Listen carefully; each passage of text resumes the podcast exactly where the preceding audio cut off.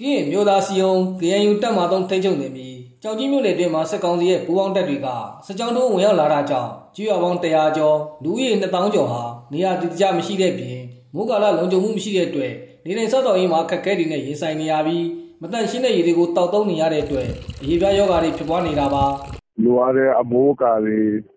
လုံခြုံလုံလုံခြုံခြုံမရှိဘူးလေတဲတွေပါလဲပြီးတော့လည်းနေရာဒီဒီကြလည်းတကယ်ကိုလုံခြုံတဲ့နေရာရှိတ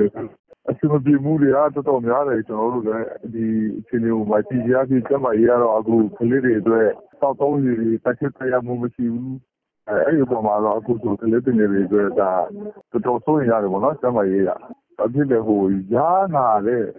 အညီပြားယောဂါပေါ့နော်စိတ်ကြိုက်တာလားဘယ်လိုဖြစ်တာလို့တော့မသိဘူးအညီပြားယောဂါတွေတွေ့နေရတယ်သူတို့ကျွန်တော်လည်းအားလုံးတော့မသိဘူးအညီပြားပေါ်မှာအဖွင့်ဖူးနေထားပြီးတော့အဲအဲ့လိုမျိုးတွေပေါ့နော် ဒီကိုလုံးမှညီရဲတာတွေတွေ့ရတယ်ဟုတ်တပ်မတော်နယ်မြေတွင်စစ်ကောင်စီစစ်ကြောင်းတွေနဲ့နယ်မြေကန် KNL ပူးပေါင်းတပ်ဖွဲ့တို့နှစ်ဖက်တိုက်ပွဲတွေဖြစ်ပွားနေပါတယ်။နှစ်ဖက်တိုက်ပွဲတွေစစ်ကောင်စီက GR တွေတွင်းကိုလက်နက်ကြီးနဲ့ပစ်ခတ်တာနေအိမ်တွေကိုမိရှို့တာဖမ်းဆီးတပ်ဖြတ်တာလူ့ကြီးချိုးဖောက်တာတွေကြောင့်ဒေသခံပြည်သူတွေကထွက်ပြေးတိမ်းရှောင်နေရပါတယ်။ဒါအပြင်မေလ30ရက်မနေ့ပိုင်းကစစ်ကောင်စီတပ်ကနတ်တန်ကွင်းကျွေးရနဲ့အုတ်ရှိကုန်းကျွေးရလမ်းဆောင်ကနေဒေသခံမျိုးသား19ယောက်ကိုလူသားတိုင်းအနေနဲ့ဖမ်းဆီးခေါ်ဆောင်သွားခဲ့ပါတယ်။ ပြီးတော့ဒီနေ့ပြည်သူတချို့လည်းဖမ်းခေါ်ပြီးတော့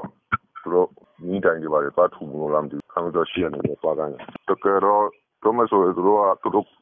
ဒီဘက်သွားလို့လည်းမသွားရုပ်လည်းနေရာလည်းအများအားချစ်ထွေးမှုတွေရှိတယ်ဘူးပြန်လို့မလို့တဲ့ပြန်မလို့တဲ့ဘူးလောလောဆယ်အချိန်တွေကတော့သူတို့အာပြန်မလို့လို့သေးတယ်လို့မကြားသေးဘူးเนาะ ကြောက်ကြီးမြို့နယ်အတွင်းစစ်ကောင်စီရဲ့စစ်ကြောင်းထုတ်လှုပ်ရှားတာမိုးကာလလမ်းမဆက်သွယ်ရေးခက်ခဲတာတွေကြောင့် စစ်ပေးဆောင်ပြည်သူတွေဟာနေတိုင်းစားတောက်ရေးပြင်တောက်ရင်နဲ့ဈေးဝါးတွေအရေးပေါ်လိုအပ်နေတယ်လို့စစ်ပေးဆောင်ရေးကူညီပေးနေသူတွေစီကသိရပါတယ်ကျွန်တော်အောင်ခန့်ပါ